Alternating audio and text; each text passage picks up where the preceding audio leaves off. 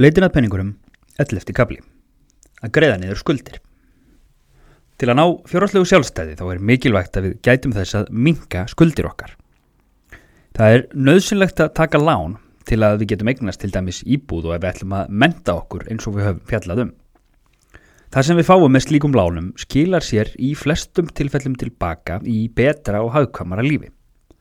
Mentun er góð og í flestum tilfellum þá eigur hún virði okkar á vinnumarkaði og þá um leið hækkar hún launin okkar. Á Íslandi hafa fastegnakaup jafnan verið skinsamleg fjárfesting.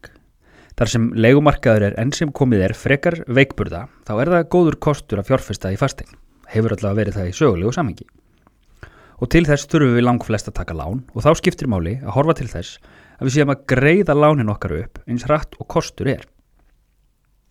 Tekjurnar sem við öflum á lífsleðinni skipta miklu máli en þær skipta oft minna máli heldur en göldin. Allt og oft þá sjáum við eðslu haldast í hendur við tekjur þannig að ef tekjurnar aukast um 1000 krónur þá aukast útgjöldin líka um 1000 krónur og jafnvel meira. Sama á við ef við erum með mikið af neysluskuldum eða öðrum dýrum skuldum. Ef við stefnum á fjárhastlegt sjálfstæði þá markmiðið alltaf að vera að greiða skuldir okkar eins rætt niður og kostur er og ekki stopna til nýra skuldbindinga. Við niðugreitlu skulda skiptir máli að gera áætlun og haga greiðslu fyrir komulagi þannig að við sjáum árangur rætt og vel. Vandamálið með fjármál er að árangur þeirra kemur sjálfnast í ljós fyrir enn sentu um síður.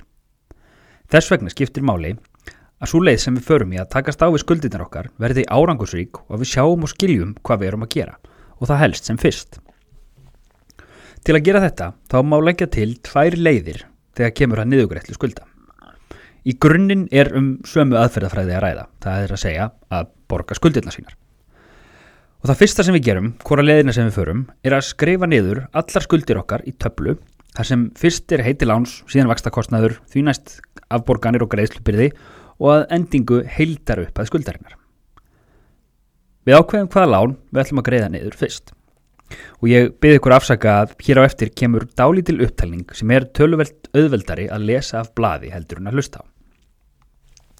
Búum til dæmi þar sem við gefum okkur að við skuldum 30 miljón krónar íbúðalán á 5% breytilegum verðtriðum vöxtum með greiðslubyrði sem nefnur 125.000 krónar. Ég teng enga ábyrðið því að þetta séu réttar fjárhæðir, þetta er bara dæmi.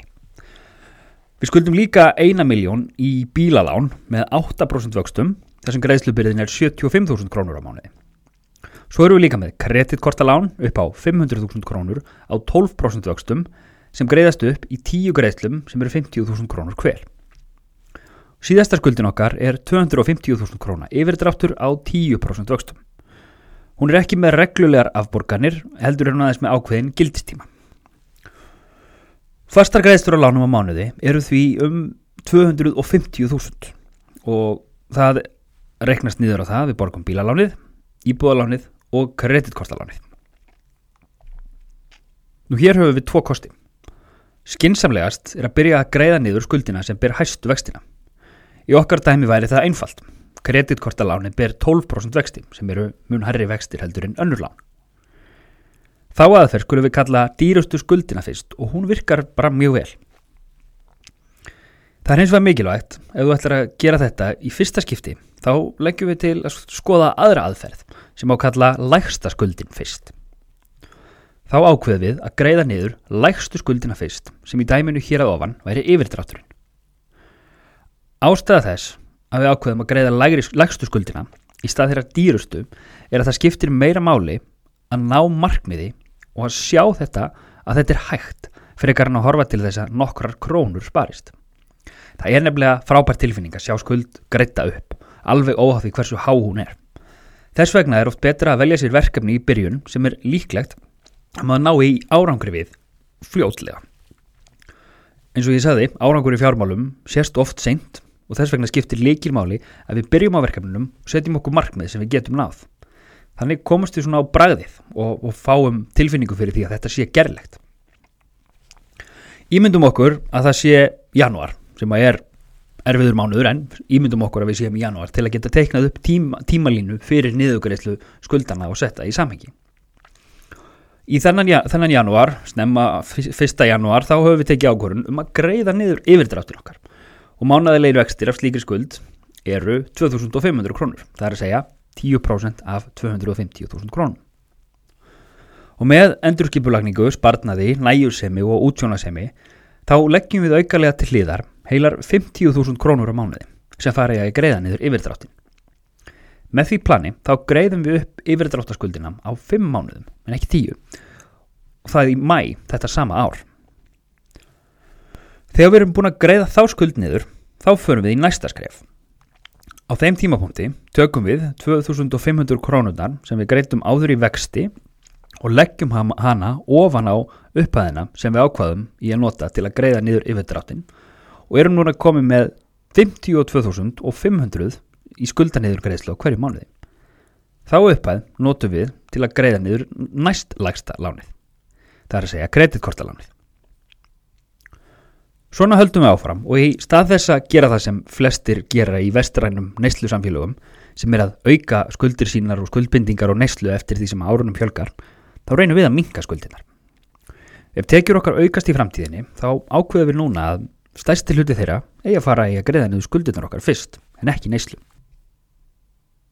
Eftir að yfirdrátturinn hefur verið greittur þá má vel breytað maðferð og velja dýrustu skuldina sem næstu skulda og niðurgreðslu listanum okkar sem á þessum tímapunkti er reyndar líka lægsta skuldin okkar.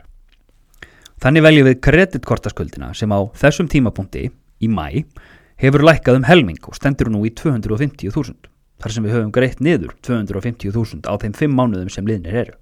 Marstu, hún stóði í 500.000 krónum í janúar og mánæðilegar afborgunir af henni voru 50.000 krónur á mánuði.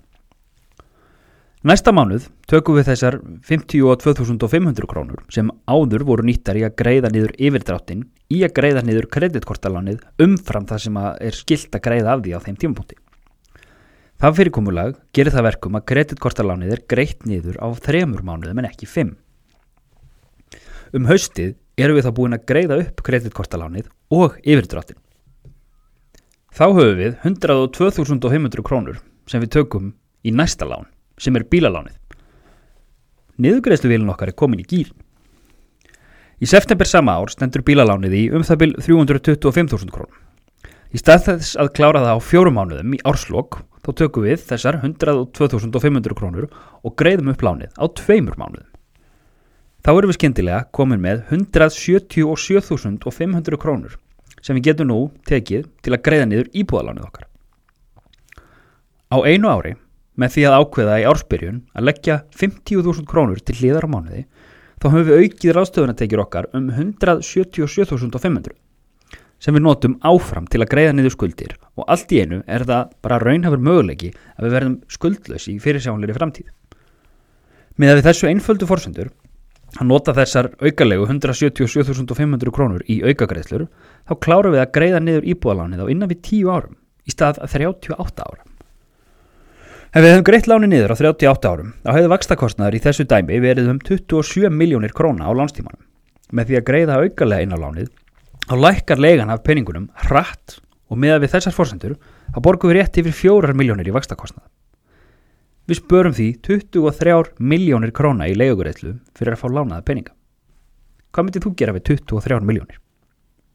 Þetta dæmi sínir okkur að það er hægt að ná aukinni stjórn á sínum fjármálum með markvisum aðgerðum í rétta átt. Árangur í fjármálum er 80% hegðun en 20% verðni. Reynslan hefur sínt að þegar við höfum tamið okkur þessa nálgun á skuldir og lán þá lítum við á skuldbindingar á, á það sem þær raunverulega eru. Flestar skuldir draga úr möguleikum okkar til að velja. Það er binda okkur niður og hefta og halda okkur föstum. Fjölmargir viðmælendur sem ættu í hlaðvarpið leitinað peningunum sögðu frá því hvernig skuldir komu í veg fyrir að fólk að látið drauma sína rætast og stokkið á tækifærin. Þess vegna hefur við að horfa á skuldir sem verkefni sem við hefum að vinna í að losa okkur við. Með slíku hugarfærið verðað fjármál okkar heilbrið og við færum nær því að vera fjárhastlega sjálfstæð. Maður þarf ekki að vera með gráðu í viðskipta eða hagfræði til að ná meiri árangur í fjármálum en meðalmaðurinn. 80% af árangur í fjármálum er að temja sér rétta hegðun. 20% er þekking og færni. Og þá færni auðlust við samhliða því að við breytum um hegðun og síðan sækjum okkur fróðleik með því til dæmis að lesa eða hlusta á þessa bók. Hvað borgar þú í vexti árlega? Þekktu þið einhver tíma til og skráðu niður hvað þú borgar í vexti af þínum skuldum. Veltu fyrir þér hvað þú geti gert við þá peninga og líka hvað þú getur gert til að frelsa þá frá lán, lánveitandanu þínum. Mundu að vextir eru ekkert annað en leiga af peningum sem þú fjækst einhver tíma lánaða til að kaupa eitthvað í fortíðinni og þarft að greiða af í framtíðinni. Með því að lækka skuldinnar þá lækkar leigan. Þess vegna skiptir svo miklu máli að hætta að horfa bara á greiðslupyrði lána eins og okkur Íslendingum er tamt og horfa ekki minna á heildar skuldir okkar og hvernig við getum lækka þær sem hraðast. Settu þér raunhæf markmið þegar þessi klári kaplast, hann er alveg að klárast, um hvað þú ætlar að borga niður og hvernig þú ætlar að borga niður skuldinan þínar næstu mánuði og ár. Þegar þú svo nærið fyrsta markmiðinu, þá máttu alveg verðlauna þig með því að kaupa eitthvað sem þið hefur lang, lengi í. Það mun veita þér miklu meiri gleði og valdefla þig að vita að kaupin eru gerð á grunni góðra ákvarðana og kaupin eru greitt með peningum sem áður hefðu farið í vakstakostnað.